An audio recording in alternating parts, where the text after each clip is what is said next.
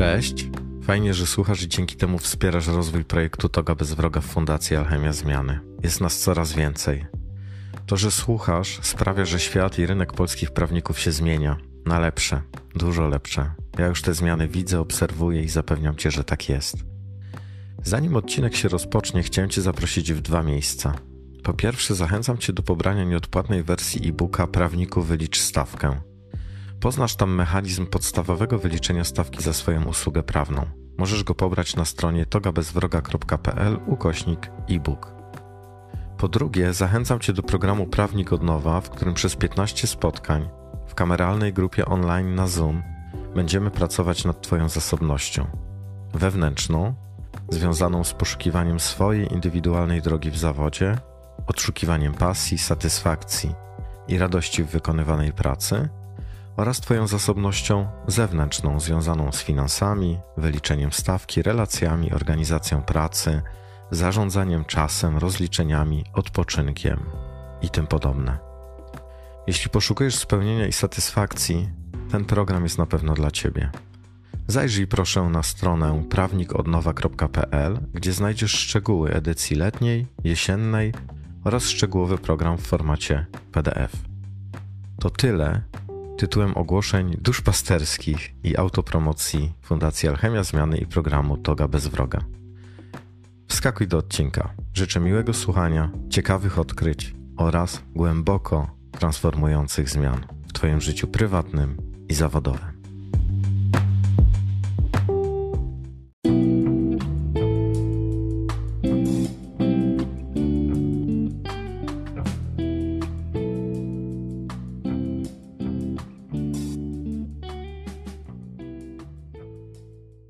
Cześć, witaj, witajcie w dziewiętnastym odcinku podcastu Toga bez wroga. Dzisiejszy odcinek dotyczy spółek prawniczych i będę opowiadał o tym, po co się zawiązuje spółki prawnicze, czy ma to sens. Oczywiście odpowiedzi wszystkie na pytania, które będę próbował zadać, są w, ostatecznie w Tobie. Będę też mówił o tym, co zgrzyta w spółkach, Podam kilka przykładów, na pewno nie wyczerpię całego tematu, bo myślę, że można by na ten temat napisać rozprawę doktorską, a nawet kilkutomowe opracowanie. No i też, e, też troszkę opowiem o tym, co mi wiadomo na temat tego, jak się wspólnicy rozstają, jak to wygląda i co tam się dzieje. Chciałem najpierw też podziękować za liczne odtworzenia podcastu poprzedniego z Jakubem Kalińskim. Okazało się, że formuła podcastu z gościem bardzo Wam się spodobała. Mm, mi również, nam również, Jakubowi również. Będą kolejni goście, być może goście będą częściej niż raz w miesiącu, zobaczymy. Plan na razie jest taki, że gość pojawi się w co czwartym odcinku, czyli raz na miesiąc, ale zobaczymy. Jeżeli, jeżeli formuła będzie się sprawdzała, jeżeli będzie dużo energii wokół tego, i będę miał e, sposobność zapraszać gości częściej, bo to też przecież zależy od gości, to być może ci goście będą częściej. Zobaczymy, naprawdę zobaczymy. Dajcie znać, piszcie e, do mnie w wiadomościach prywatnych, maile, komentarze. E, jestem ciekaw, jak, jak wy się na to zapatrujecie. Ankieta na, w Spotify pokazała, że, że goście zdecydowanie tak. Zachęcam z całego serca do wspierania podcastu na platformie patronite.pl patronite.pl ukośnik toga bez wroga. Można tam zostawić symboliczne 5 e, zł, postawić mi symboliczną kawę, a w zasadzie pół kawy, po to, żeby ten podcast i fundacja, która ten podcast wydaje, nagrywa, prowadzi, mogła sobie e, żyć troszkę lepiej niż żyje. Dzisiaj spółki. Dzisiaj spółki, temat, który może być dość kontrowersyjny, e, może wzbudzać różne emocje, ponieważ ci, którzy w spółkach są, różnie się w tych spółkach czują.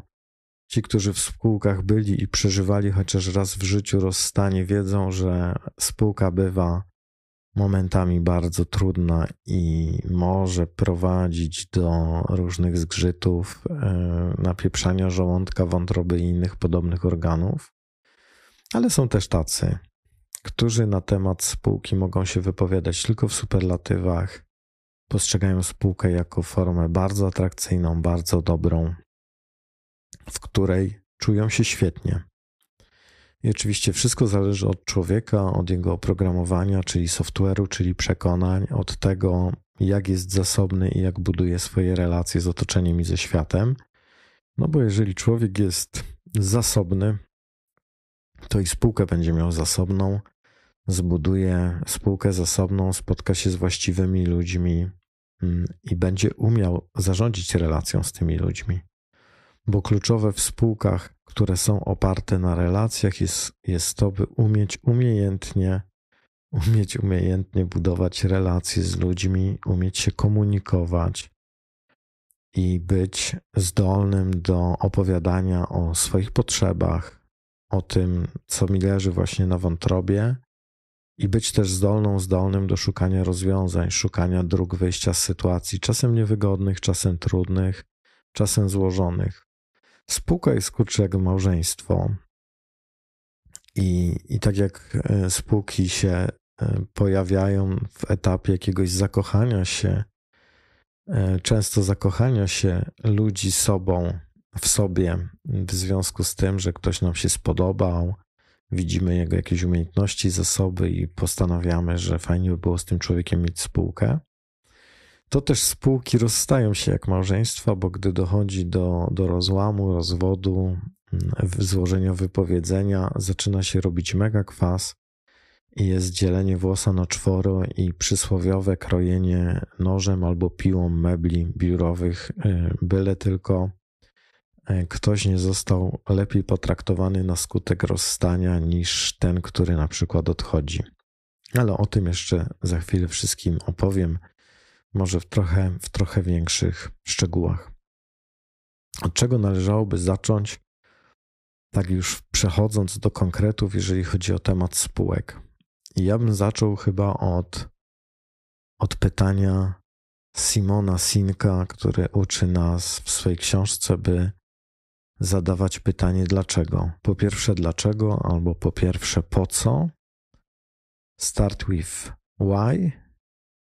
I myślę, że jeżeli jesteś w spółce, albo chciałabyś, chciałbyś być w spółce, to potrzebujesz odpowiedzieć sobie na pytanie i zadawać sobie to pytanie ciągle, raz w miesiącu, raz na półrocze albo raz w roku.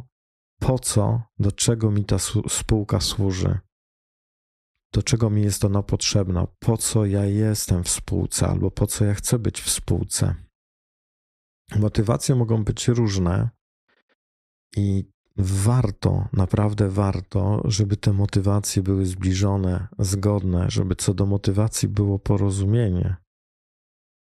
Bo jeżeli jest duża rozbieżność co do wizji, dla której spółka powstaje, bo jeden myśli tylko o kasie, a drugi myśli o relacjach, i o fajnym towarzystwie, to szybko taka spółka może być skonfrontowana z rzeczywistością i wspólnicy mogą dojść do przekonania, że hmm, chyba nie o to nam chodziło, chyba nie to mieliśmy na myśli. Jakie ja znam motywacje y, zakładania spółek przez, e, przez wspólników? Dla jednych będzie to motywacja na poziomie w towarzystwie raźniej, razem raźniej. I motyw to podłoże założenia spółki będzie czysto towarzyskie. Niewiele w tym jest myślenia strategicznego, organizacyjnego, niewiele jest w tym struktur, bardziej jest w tym takie patrzenie mm, optymistyczno-radosno-marzycielskie, które, które opiera się na założeniu, a zrobimy spółkę, będziemy się, do, będziemy się dobrze bawić, kropka. No i jeżeli tylko to, to z reguły jest to troszkę za mało, żeby taka spółka była w stanie dobrze funkcjonować. O tym, co jest potrzebne, żeby spółka dobrze, w moim odczuciu przynajmniej funkcjonowała, jeszcze, jeszcze opowiem troszkę, troszkę później.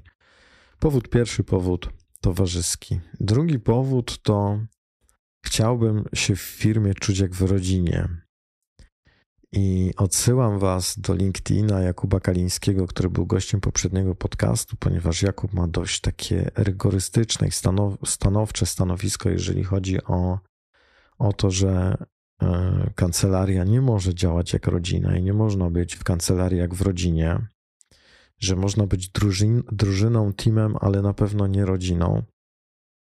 I faktycznie coś jest na rzeczy, bo jeżeli nasze pragnienia, niezaspokojone pragnienia dotyczące stosunków rodzinnych, idealnej rodziny, zanosimy do biura, do pracy, do biznesu, to może to zgrzytać, może to powodować, że mieszamy porządki, że relacje, które są relacjami rodzinnymi, projektujemy, rzutujemy, przenosimy, kalkujemy, kopiujemy na to, co się dzieje w kancelarii, i nasze pragnienia i oczekiwania mogą być przez to z czapy.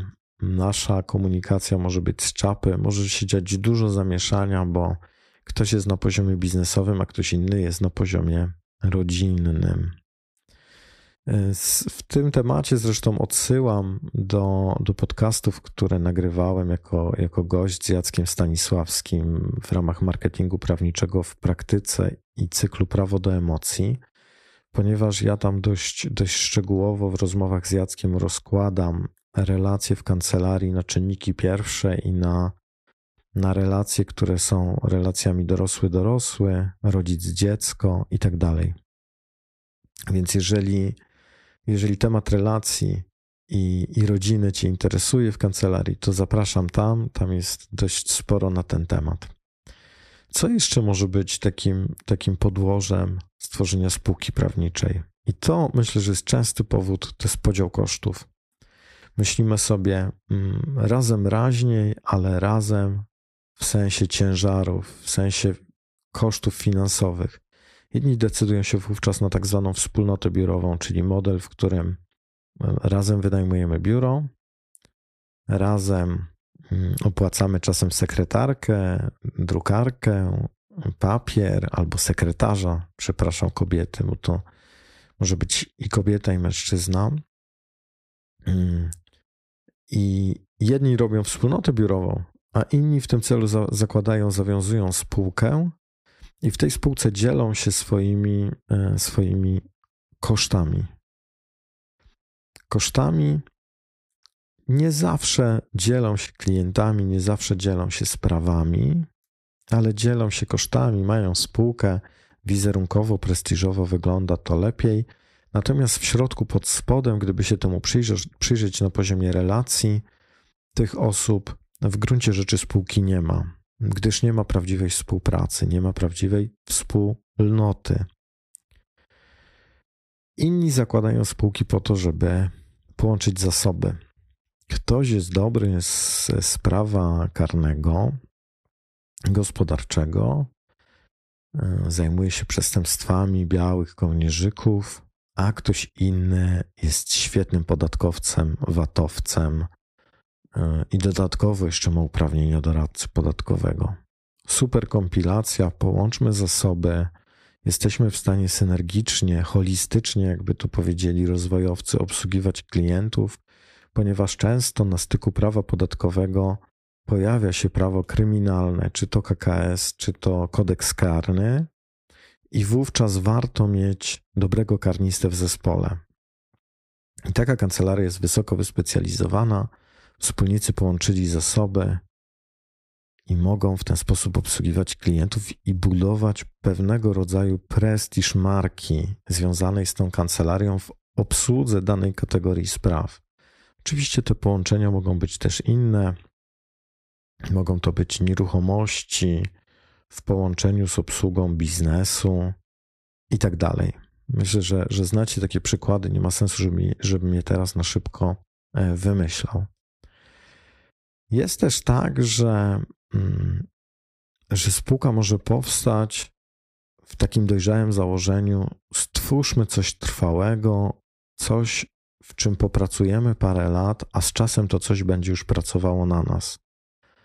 Gdzie założenie jest, e, potrzebujemy kilka lat albo kilkanaście lat na zbudowanie renomy, marki, prestiżu, określonej jakości, a później będziemy już mieli zespół, który nam to będzie obsługiwać, a my będziemy tymi, którzy na koniec miesiąca zczesują kaskę po uczciwym, mam nadzieję bardziej, a u niektórych mniej bardziej rozliczeniu się z tymi, którzy te pieniądze dla nas e, zarobią czy zarobili. Tworzymy coś trwałego na lata, może nawet na pokolenia. jest już w tym jakaś wizja, jest już w tym coś większego niż tylko doraźne zaspokajanie bieżących potrzeb i zarabianie mm, pieniędzy. Są też kancelarie, spółki, które powstały po to, żeby się podzielić nie kosztami, a obowiązkami. Czyli rośnie nam biznes, obowiązków jest coraz więcej, coraz więcej obowiązków tych administracyjno-organizacyjnych, ale, teraz, ale też coraz więcej obowiązków związanych z obsługą klientów i spraw. I taki człowiek, na przykład prowadzący jednoosobową działalność gospodarczą w formie kancelarii indywidualnej, może dojść do wniosku: kurczę, rozejrzę się, kogo ja bym mógł tutaj dokoptować i stworzę spółkę po to, żeby się podzielić tymi obowiązkami. Podzielę się też przychodami, oddam część swojego biznesu innym, ale podzielę się też mm, zyskiem i kasą. Podział, podział obowiązków. Nie jestem w stanie udźwignąć swoich obowiązków samodzielnie. I nie mam innego pomysłu. Czyli nie chcę budować na przykład struktury kancelarii indywidualnej 50-osobowej, w której jest mnóstwo podwykonawców, zleceniobiorców. A na przykład uważam, że taki pomysł jest bezsensowny i doprowadzi mnie do wylewu, zawału serca albo jakiegoś innego choróbska. Są tacy, którzy podchodzą do, do kancelarii i do budowania spółki w sposób rażąco e, pragmatyczny, czyli chodzi o biznes i kasę i o nic więcej. Zakładamy spółkę, żeby robić jeszcze większy biznes na większą skalę i chodzi nam o kasę. W spółce da się zarobić więcej niż indywidualnie, powstaje efekt synergii, efekt połączenia zasobów. Tam, gdzie więcej energii pracuje na zysk, z reguły ten zysk jest większy niż gdy pracuje na niego jedna osoba, no bo w tak zwanej kupie można optymalizować procesy, tworzyć skrypty postępowania, procesy technologiczne i obrabiać większą ilość takich samych czy podobnych spraw mm, za pomocą większej ilości ludzi, a tym samym bogacić się i mieć w tym fajny biznes, fajny być może fan i, i dość, dużą, dość dużą kasę. Trochę to jest też o tym, o czym opowiadał Jakub Kaliński w poprzednim odcinku, gdy rozmawialiśmy o skalowaniu biznesu kancelarii i o tym, że mm, takie skalowanie może między innymi odbywać się poprzez mm, rozszerzanie produktu na większą skalę, sprzedaż produktu na większą skalę, na przykład spraw frankowych. Są też inne powody, i, i są mi też, też znane z doświadczeń własnych i nie tylko. Czasem zakłada się spółkę, bo podobasz mi się. Ktoś się komuś podoba e, i może to być podobanie się na zasadzie relacji koleżeńsko-towarzysko-przyjacielskiej albo na zasadzie relacji miłosno-intymnej gdzie ktoś się komuś podoba i myślimy sobie, a skoro jesteś taka fajna, taki fajny, to będziesz też fajnym wspólnikiem. Nie wiem, razem byliśmy na aplikacji, albo razem studiowaliśmy, albo poznałem cię na sympozjum w Ustroniu, w Wiśle, czy gdziekolwiek indziej. I myślę, że fajnie by było z tobą spędzać razem w kancelarii czas i tworzyć super team.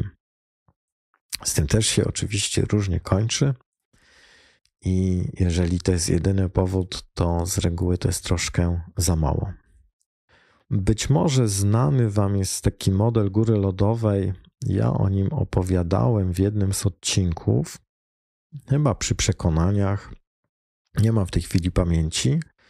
Natomiast w tym modelu na, na różnych poziomach mm, możemy zbadać siebie, swoją motywację, swoje, swoje cele ja z tym modelem pracuję na, na sesjach indywidualnych, coachingowych, mentoringowych, też w programie Prawnik od Nowa. I na chwilę chciałem Was do tego modelu teraz zaprosić, bo on dokładnie pokazuje, na jakich poziomach możemy się spotykać z drugim człowiekiem, by chcieć zawiązać z nim spółkę. I może to być poziom środowiska, czyli dwie osoby ze środowiska e, się spotykają ty jesteś w moim środowisku, ja w twoim, a to już wystarczy, żeby zawiązać spółkę. Może to być poziom zachowań, czyli mamy określone zachowania, podobają nam się nasze zachowania, zachowujemy się podobnie widzimy w swoich zachowaniach coś, co nas ujmuje, albo coś, co stanie się komplementarne, zakładamy spółeczkę. Poziom trzeci umiejętności. Mamy podobne umiejętności, albo mamy umiejętności, które mogą się wzajemnie uzupełniać, i to jest nasza motywacja do założenia spółki. Powtórzę, środowisko było zachowania umiejętności. Cztery. Przekonania. Mamy podobne przekonania, albo mamy różne przekonania. Nasze przekonania są takie same, więc załóżmy spółkę, albo nasze przekonania się różnią, co może być fajne, bo tworzy całość. Dwie połówki e, tego samego jabłka albo dwie, dwie strony tej samej monety mogą się spotkać i mimo, że mają różne przekonania, mogą tworzyć spółkę. Wartości, raz, dwa, trzy, cztery, poziom piąty. Spotykamy się, gdyż mamy podobne wartości. Można się też spotkać przy różnych wartościach, ale wydaje mi się, że mm, raczej będzie trudno tworzyć spółkę prawniczą, gdy wartości są różne. Zresztą z przekonaniami raczej też będzie trudno, bo jednak szukamy w ludziach bardziej podobieństw niż różnic. Więc jeżeli ktoś ma przekonanie, że mm, ten system to jest złodziejstwo i są oszuści, lawiranci, kombinatorzy i rządzi układ, a drugi uważa, że na wszystko można zapracować i wszystko zdobyć ciężką pracą, to raczej taka różnica przekonań nie będzie sprzyjała powstaniu spółki. I podobnie z wartościami. Jeżeli dla jednego wartością jest relacja z ludźmi, uczciwość, solidna praca w work-life balance, w równowadze, a dla drugiego zapieprz i że i takie nastawienie tylko ten, który zapieprza, jest wartościowy, na coś zasługuje i może coś w życiu osiągnąć, no to raczej się, raczej się rozjadą. Kolejny poziom to tożsamość, czyli jak ja siebie definiuję jako prawnik, kim ja jestem jako prawnik. No i wspólnicy mogą się definiować podobnie i różnie. Mm, nie mam tutaj zdania co do tego, czy musi istnieć podobieństwo na poziomie e, tożsamości, ale w tożsamości mieści się między innymi to, co ja sobie mówię, kim ja jestem jako prawnik. Jeżeli ja jako prawnik jestem superbohaterem, który ratuje innych z opresji, i tak mówi jeden wspólnik, a drugi wspólnik mówi, ja jako prawnik jestem biznesmenem, jak najmniej kosztów, jak najwięcej dochodów, jak najwyższy zysk, to z takiej tożsamości i z przekonań wokół tej tożsamości raczej wyjdzie zgrzyt niż porozumienie. Więc bliskość na poziomie tożsamościowym też jest ważna. I wreszcie misja. Jaką ja mam misję? Jaką mamy misję jako kancelaria? I później wizja, duchowość. Jeżeli ktoś w takie poziomy wierzy albo czuje w ogóle, czym to by mogło być, czyli coś większego od nas i od naszej działalności. Czy tu chodzi w ogóle o coś większego? O co? I czy my tutaj mamy jakieś porozumienie i zgodność jako wspólnicy? Jak widać, jest wiele poziomów, na których można się albo spotkać, albo poróżnić, i kłótnie, spory, jak również to, że się ludzie dogadują, spotykają i jest im dobrze, bierze się albo z istotnej zgodności, albo z istotnego rozjazdu, który prowadzi do konfliktu na jednym z tych poziomów, albo na kilku z tych poziomów. Raz jeszcze środowisko, zachowania, umiejętności, przekonania, wartości, tożsamość, misja i wizja, duchowość. Warto, żebyście sobie podejmując decyzję o spółce albo przyglądając się swojej spółce, sprawdzili, gdzie, które obszary w ogóle są dla Was najważniejsze. Czy najważniejsze jest środowisko, czy najważniejsze są przekonania, wartości, tożsamość, misja czy wizja, a może umiejętności i zachowania. Więc warto po pierwsze to sprawdzić, bo wspólnicy mogą kłaść akcenty na różne elementy. I dla jednego będzie najważniejszy poziom wartości, a dla innego poziom umiejętności. I pytanie, czy to jest do pożenienia, czy to się da dogadać. Więc po pierwsze, czy jesteśmy na tych samych poziomach albo blisko siebie, czy jeżeli jesteśmy daleko siebie, to nam to w czymś przeszkadza. Pierwsza rzecz do zbadania. A po drugie, Jak już ustalimy, że jesteśmy blisko czy daleko, to czy to, co ja myślę i to, w co ja wierzę na, na tych poziomach, które są dla mnie ważne, zgadza się z tym, co ty myślisz i w co ty wierzysz na twoich poziomach. Bo jeśli nie, to będzie wcześniej czy później jakiś kwas i robota do wykonania. Oczywiście kwasy są naturalną częścią spółek, kłótnie, konflikty są naturalną częścią spółek, kryzysy są naturalną częścią spółek, jak w każdym, każdym małżeństwie, jak w każdej relacji z drugim człowiekiem, w przyjaźni, w koleżeństwie, w relacji w pracy itd. Tak Spółka to patrząc na etymologię, tu jest jakiś spół od, od wspólnie, od współ, współuczestniczyć, coś robić wspólnie, więc musi istnieć most. Most pomiędzy jednym człowiekiem a drugim, który te wspólnie zakłada, który te wspólnie przyjmuje. I stąd tak duży nacisk kładę i na sesjach, i, I też w tym podcaście i w różnych materiałach, które do Was piszę, nagrywam, mówię na to, żeby widzieć, czy my jesteśmy na podobnym poziomie, a jeżeli jesteśmy na różnych, to czy one są do pogodzenia. Powtórzę raz jeszcze: środowisko, zachowania, umiejętności, przekonania, wartości, tożsamość, misja, wizja, duchowość. Czy my tutaj mamy współ wspólne, wspólnie, spół, współ. Czy możemy w spółkę wejść i być w czymś wspólnie?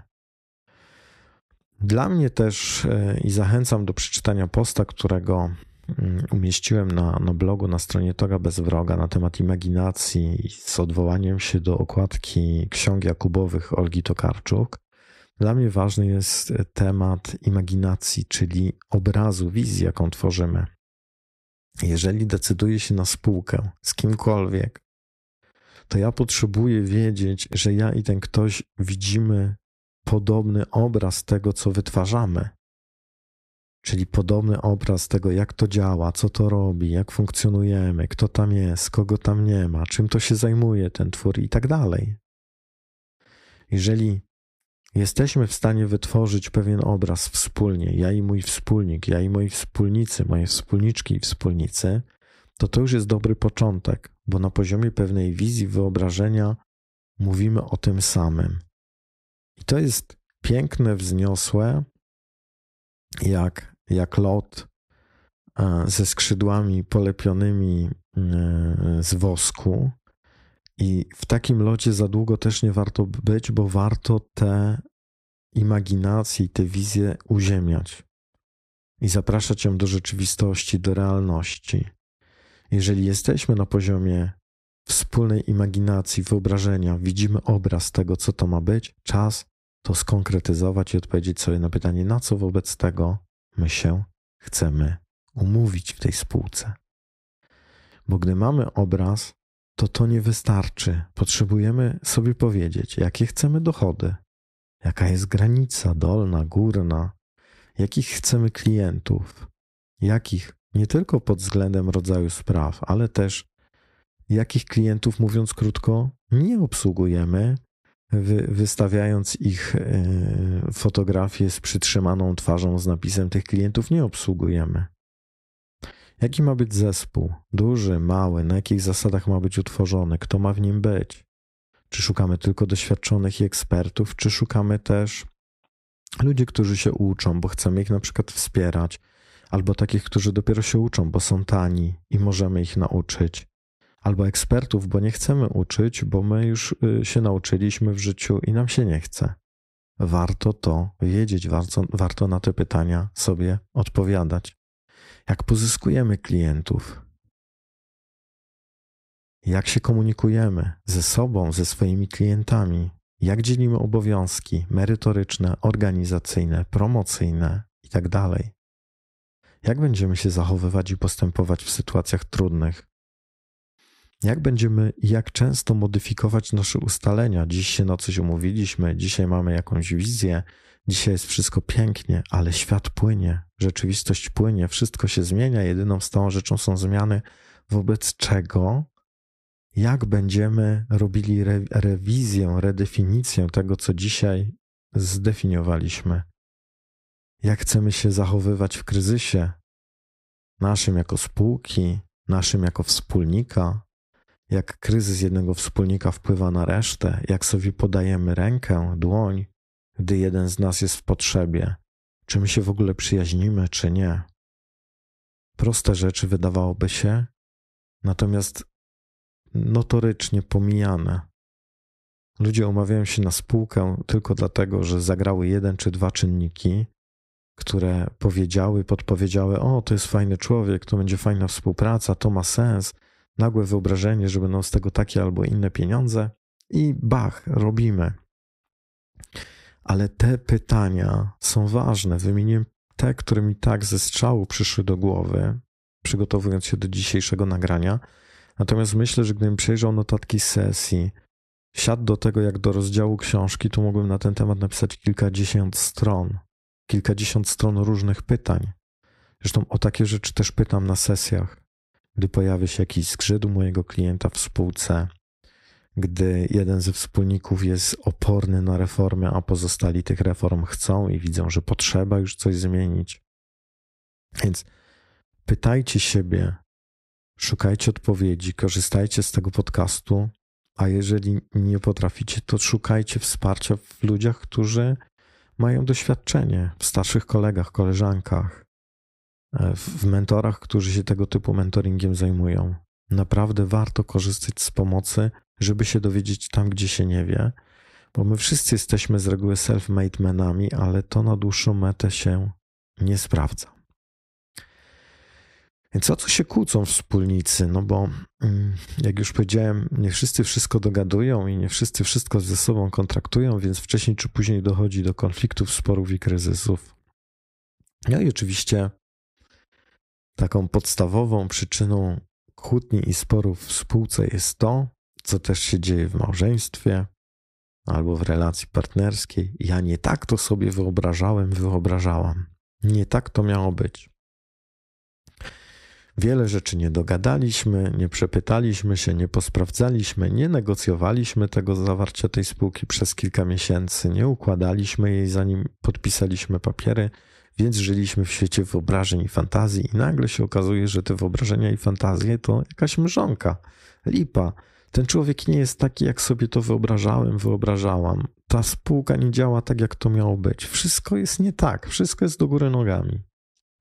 No nie może być inaczej, jeżeli nie poukładaliście, nie ponazywaliście, nie spisaliście, nie, nie skonsultowaliście czasem z kimś, kto może wam w tym, e, w tym pomóc.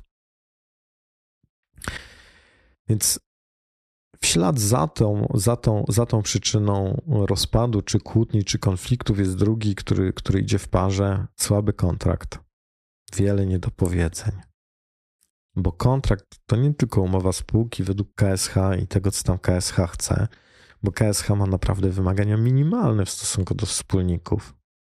I oczywiście nie wszystko musi być zapisane w tej umowie spółki, która na etapie rejestracji trafia do KRS-u, ale warto, naprawdę warto mieć dodatkowy aneks, załącznik, nieujawniany kontrakt, który dotyczy tego, jakie są nasze relacje jako wspólników nie tylko te kodeksowe. Kodeks pozostaje na bardzo ogólnym poziomie praw i obowiązków wspólników, które są mm, o charakterze, nazwałbym to, czysto organizacyjno-zarządczym. Zostawia to ludziom do zadecydowania dowolnie, a że prawo nie, nie obliguje, no to nikt się, nikt się tym za bardzo często nie zajmuje, a potem jest ząg i kłopoty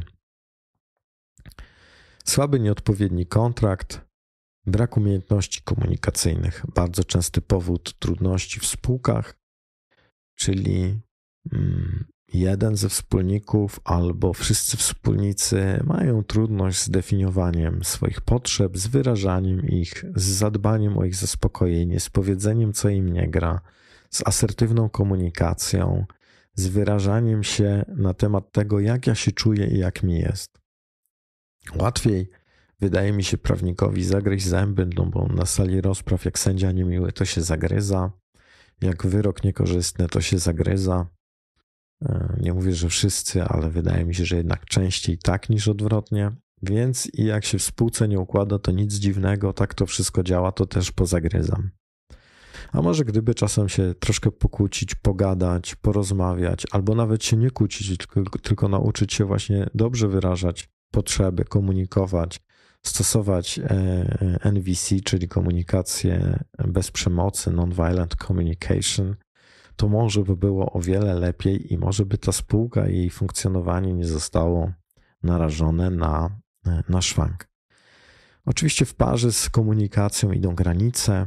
Czy znam swoje granice, czy mam wyznaczone przed sobą swoje granice, czy wiem dokąd ja mogę, potrafię, a gdzie już nie i czas powiedzieć nie, to już dla mnie za dużo, przesadzasz, przekraczasz moją, moją granicę, nie pozwalam na to. Więc z jednej strony to jest umiejętność rozpoznania swoich granic, wyznaczenia ich, umówienia się z sobą, jakie ja mam granice, a z drugiej strony wyznaczenia tych granic komuś i pokazania nie, stop, za dużo. Nie, nie, ja tak nie, ja tak nie pracuję, ja tak nie funkcjonuję, ja tak sobie nie pozwalam. Ja nikomu tak nie pozwalam. Ja cię bardzo proszę, znajdźmy inne rozwiązanie, podyskutujmy o tym. Na pewno coś da się z tym zrobić. Ja natomiast nie. Ja w tej chwili nie. I to może być granica w prostej sprawie. Ja nie będę pisała postów na LinkedIna, bo ja tego nie lubię robić. Ja nie będę robiła sobie krzywdy. Robiąc czegoś, czego nie lubię, to będzie nieautentyczne, niewiarygodne. Ludzie tego nie będą czytali, bo nie płynie to ze mnie. Więc granice. Kluczowe, ważne w życiu każdego człowieka, nie tylko, nie tylko prawnika. Jest też tak, że niektórzy traktują pracę, kancelarię i spółkę jako swego rodzaju miejsce, w którym się sprzedaje duszę. Więc jak już jestem w spółce, to znaczy, że cały mój czas życiowy, cała moja energia życiowa i moje urlopy, wszystko jest podporządkowane spółce, bo jestem w obowiązku olbrzymiej lojalności wobec wspólników, często nawet takiej, na którą oni, której oni nie oczekują. I, I osoby z takim systemem przekonań stają się niewolnikami. Tak jak powiedziałem, duszę sprzedali spółce, spółka staje się dla nich więzieniem, co wcześniej czy później no musi gdzieś wybić. Bo jeżeli kanalizacja mm, nie jest prawidłowo mm, drożna, to wcześniej czy później wybije. I takie duszenie się we własnym biznesie świadczy właśnie o niedrożności kanalizacji, która musi się skończyć e, no, jakąś mniejszą lub większą katastrofą. Zdarza się też często tak, że ktoś mówi: Ja robię więcej od ciebie albo od was, albo ktoś twierdzi, że pracuje merytorycznie więcej, albo że klientów pozyskuje więcej, albo że ma lepszych klientów, że pozyskał lepszych, tłustszych, bardziej dochodowych. No i tutaj mm, sytuacje różnie się układają, bo czasem to prawda. Czasem to półprawda, bo pomimo, że tak jest, to okazuje się, że z kolei w innych obszarach ktoś inny daje czegoś więcej. I to, że ty jesteś wygranym w jakimś obszarze, to nie oznacza, że nie, nie, nie dowozisz w jakimś innym i per saldo wszystko emergentnie się wyrównuje i, i jest, jest spójną, funkcjonującą całością. A czasem trzeba po prostu wrócić do kontraktu i zredefiniować udziały, podział obowiązków albo coś jeszcze innego bo możesz zostać przy dotychczasowych parametrach finansowych, skoro dowozisz lepsze wyniki, ale zostać zwolnionym z, jakimś, z jakichś obowiązków, a może się stać tak, że e, dostaniesz więcej. A może się stać jeszcze inaczej. Wszystko kwestią umowy, wrażliwości i takiej e, konsensualności osób, które w tej spółce e, są.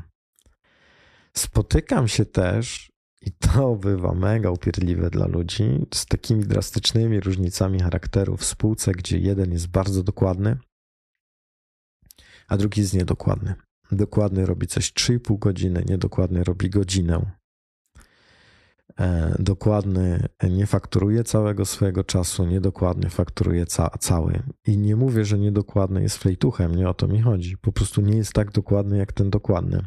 I męczą się ze sobą niemożebnie, no bo jeden zasuwa, robi dużo, e, ale mniej na to poświęca czasu, w sensie na jedną sztukę mniej poświęca czasu, ale Bersaldo pracuje dużo. Drugi też pracuje dużo, ale robi w tym połowę mniej albo jedną trzecią mniej. No i zaczyna się poczucie nierówności, zwłaszcza gdy jeden ten dokładniejszy twierdzi, ale ja tego wszystkiego nie mogę zafakturować klientowi, bo on mi tyle nie zapłaci. Zresztą sporów wokół przekonań jest mnóstwo, no i nie jedna spółka, myślę, się rozpadła, dlatego że jeden twierdził, klienci nam zapłacą dokładnie tyle, ile chcemy, a, a drugi twierdził, klient mi tyle nie zapłaci. No i ten, który wierzy, że mu zapłaci, przynosi do kancelarii coraz większe pieniądze i patrzy na tego, który nie wierzy, że przynosi coraz mniejsze. Musi się to źle e, skończyć. Mm, tak samo jest, podobnie jest z sytuacją, w której jeden ze wspólników zaczyna się rozwijać, pracować nad sobą, uczy się managementu, nie wiem, chodzi do, do, do Kalińskiego na, na spotkania, na mentoringi, albo zaprasza go do kancelarii, albo pracuje ze mną coachingowo-mentoringowo, mm, albo z innymi mentorkami i, i, i, prawniczkami, które też, też wspierają prawników w drodze do ich rozwoju, albo z do Piotrka Chodorza chodzi.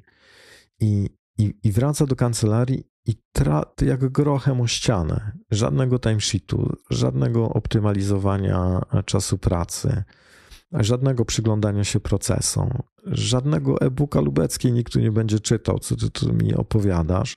I robi się drastyczny rozjazd pomiędzy tym, który się stara i chce wnieść biznes na nowy level, na nowy poziom, a tymi, którzy chcą, żeby było tak jak zawsze mimo że jest źle. Oni mówią, to mieszkanie nie jest do remontu, albo to mieszkanie nie, nie musi być sprzątane, wszystko jest ok, o co ci chodzi?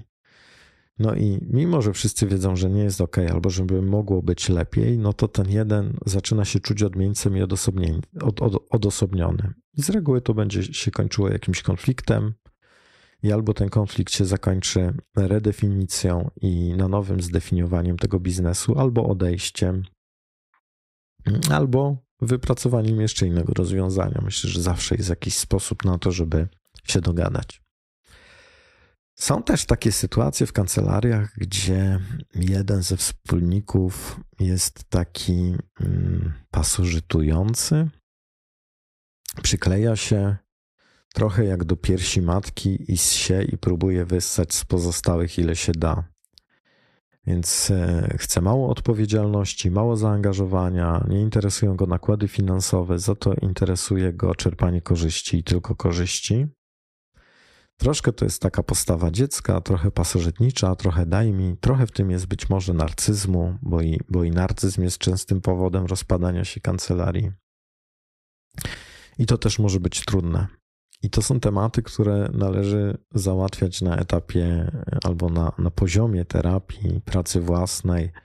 Można być, być w coachingu i taki, takimi temat, takim tematom się, się przyglądać, czy też w superwizji, którą, którą ja proponuję. Natomiast nie ruszanie tego raczej powoduje, że gnić będzie i psuć się to, co się psuje bardziej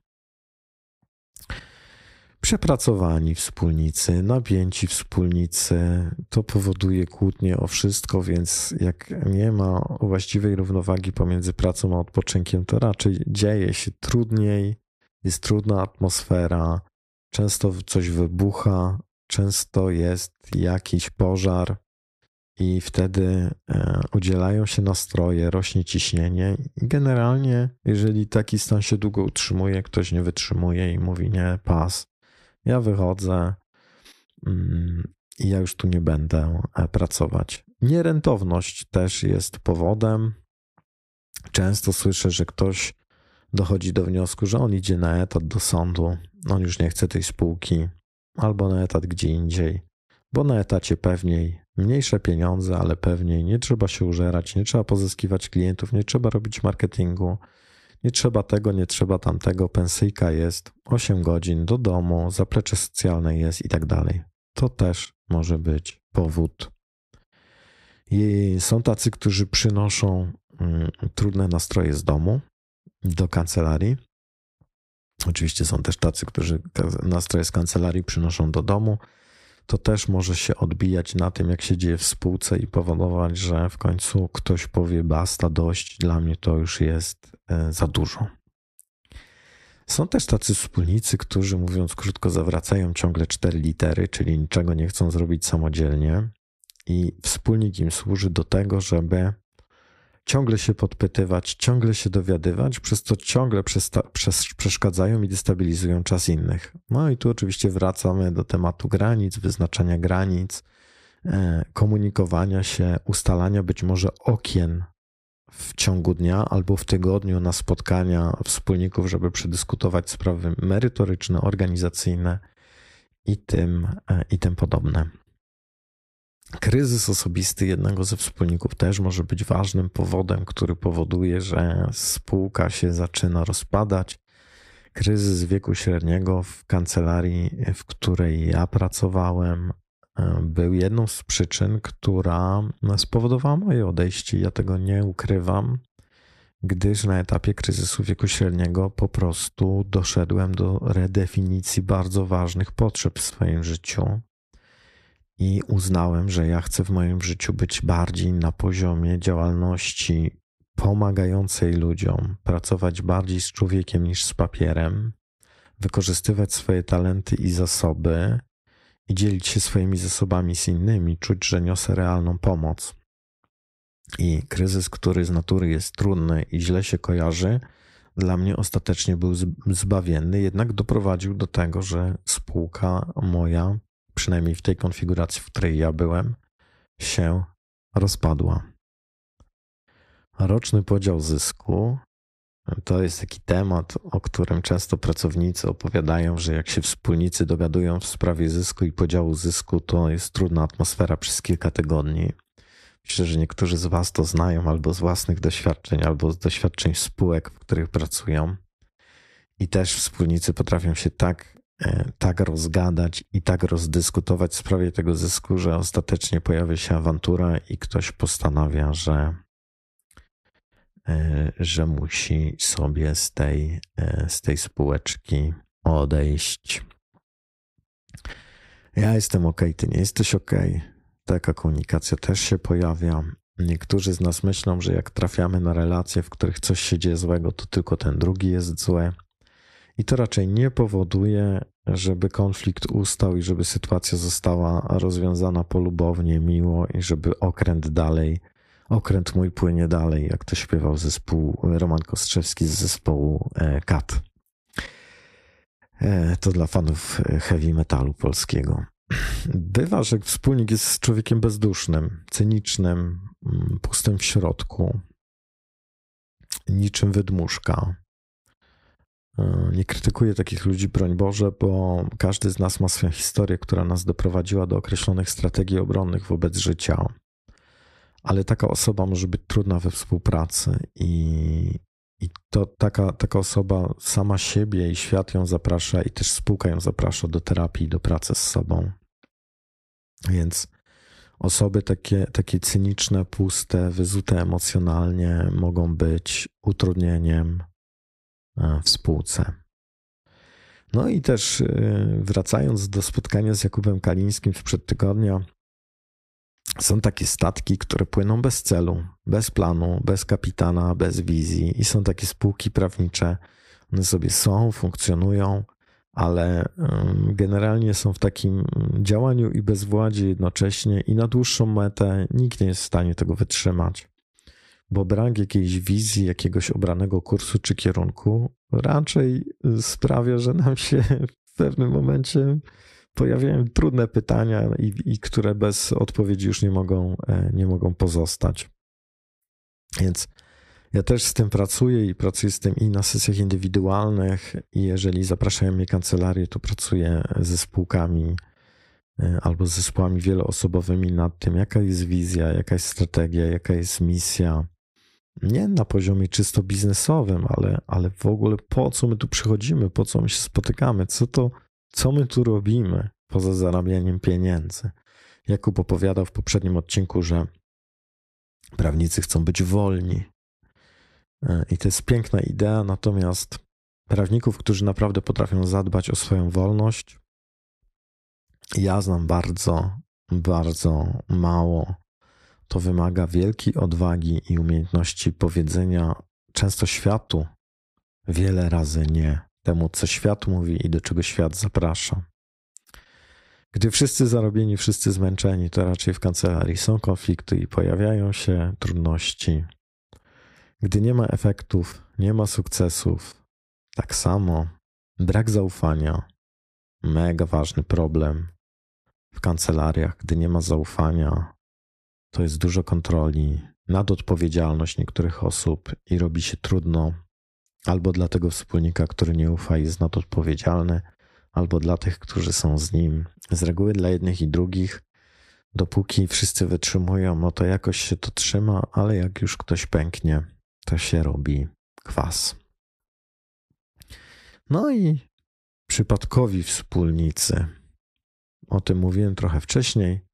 Jeżeli nie ma porozumienia i ludzie są w gruncie rzeczy ze sobą z przypadku, a nie z wyboru, z wyboru świadomego, podpartego konkretnymi faktami, konkretnymi poziomami, o których mówiłem, czyli na przykład wizja, misja, tożsamość, przekonanie, umiejętności, no to, to na dłuższą metę nie ma tego kleju, który jest spoiwem trzymającym dwie osoby czy więcej osób ze sobą.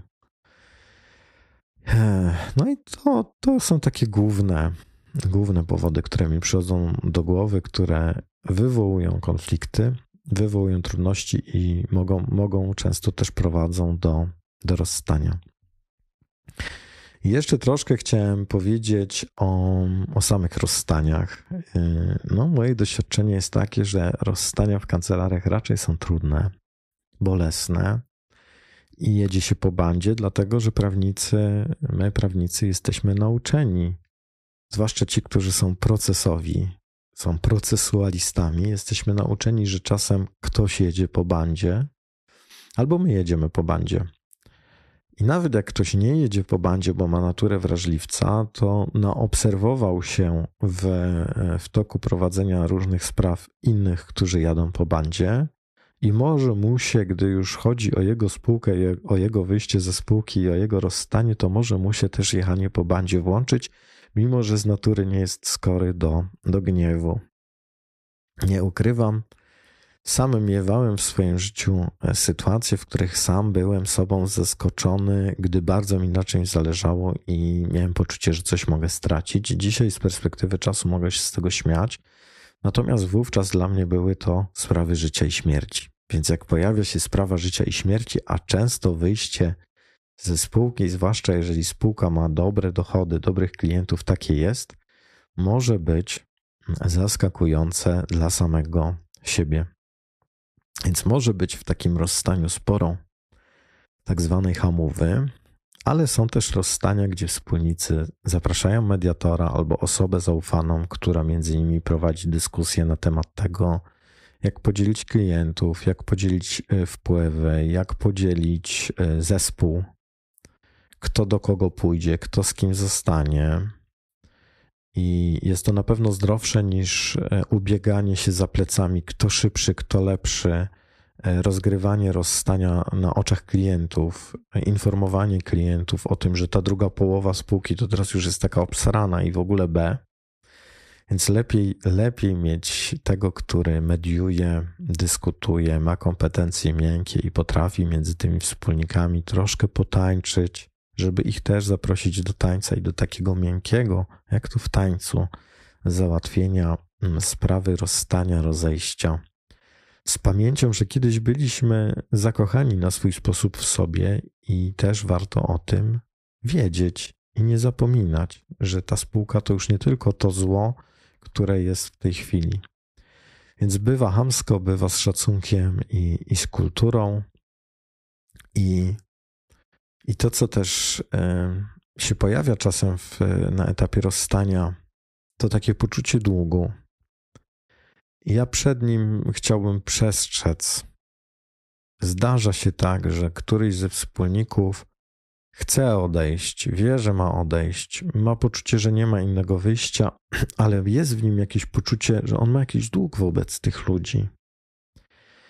I, i takie, takie też poczucie mają czasem ludzie, z którymi, z którymi gdzieś tam rozmawiam, czy współpracuję, czy pracuję, którzy na przykład odchodzą w ogóle z korporacji, nawet niekoniecznie prawniczej, i, potrafią wypowiedzieć takie zdanie: No, ale ja ich nie mogę tak zostawić, bo ja mam wobec nich dług. Ja wtedy pytam, a kiedy ty zaciągnęłaś, zaciągnąłeś ten dług? Bo jak się ma dług, to znaczy, że się go zaciągnęło, A dług oznacza, że wcześniej coś dostałaś, dostałeś. Skoro masz dzisiaj dług, czego jeszcze nie zwróciłaś, nie zwróciłeś. I to pytanie często rozbraja takie myślenie, że ja, ja jestem jakimś dłużnikiem moich byłych wspólników. I broń Boże, nie zachęcam tym do ostrego zakańczania współpracy z, z byłymi czy wkrótce byłymi wspólnikami, ale zapraszam do wyleczenia się z takiej mentalności i z takiego sądzenia, że, e, że ma się jakiś dług. Chyba, że on faktycznie istnieje. Ale też, jeżeli ktoś mi robił w życiu przysługi, albo mi kiedyś wsparł, to nie po to, żebym ja dozgodnie był jego wspólnikiem i oddał duszę swoją jemu i tej kancelarii. To, że ktoś kiedyś był dla mnie życzliwy, dobry, wsparł mnie w chorobie, w chorobie osoby bliskiej, albo pomógł mi wyciągnąć z długów jakiegoś członka mojej rodziny, to nie znaczy, że ja do końca życia mam z tym kimś już tkwić w jednej spółce, skoro nasze drogi się rozeszły. Bo rozejście, i chyba tym chciałbym e, zrekapitulować te rozważania, bo rozejście nie zawsze jest kapitulacją, właśnie. Czasem jest decyzją mądrą, rozsądną, zapraszającą każdego ze wspólników, tego, który odchodzi i tego, który czuje się być może porzucony, do nowego etapu w życiu, do zbudowania czegoś na nowo, może inaczej, może od nowa, może na nowy sposób. I to wcale nie oznacza nic złego. To jest życie, kolejny etap, kolejne próby, kolejna przygoda, kolejne perypetie i kolejne skarby do odkrycia. Więc ani rozstanie w małżeństwie, mimo że trudne, bolesne, ani rozstanie w spółce ostatecznie nie jest końcem świata, nie kończy naszego życia i może się okazać dla nas czymś lepszym niż by nam się wydawało. Ja z perspektywy czasu, gdy rozmawiam ze swoimi byłymi wspólnikami, to mimo tego, że rozstanie było dla nas na swój sposób trudne, dla każdego, każdego, każdej, każdego z nas, to wiem, że dzisiaj są w takim układzie, że każdy dzięki temu miał już doświadczenie i wiedzę, jak chce zbudować teraz swoje po swojemu. I wszyscy z tego, co słyszę, są zadowoleni. Mimo, że się rozstaliśmy, mimo, że no, w dosyć zaskakujący sposób odszedłem ze spółki. I mimo, że przez jakiś czas nawet miałem z tego tytułu wyrzuty sumienia, bo też uważałem, że mam jakiś dług i że byłem jakimś dłużnikiem, mimo tego, że bardzo dużo z siebie dawałem. Więc nie traktujmy naszych kancelarii jako końca świata, ani końca naszych kancelarii jako końca świata.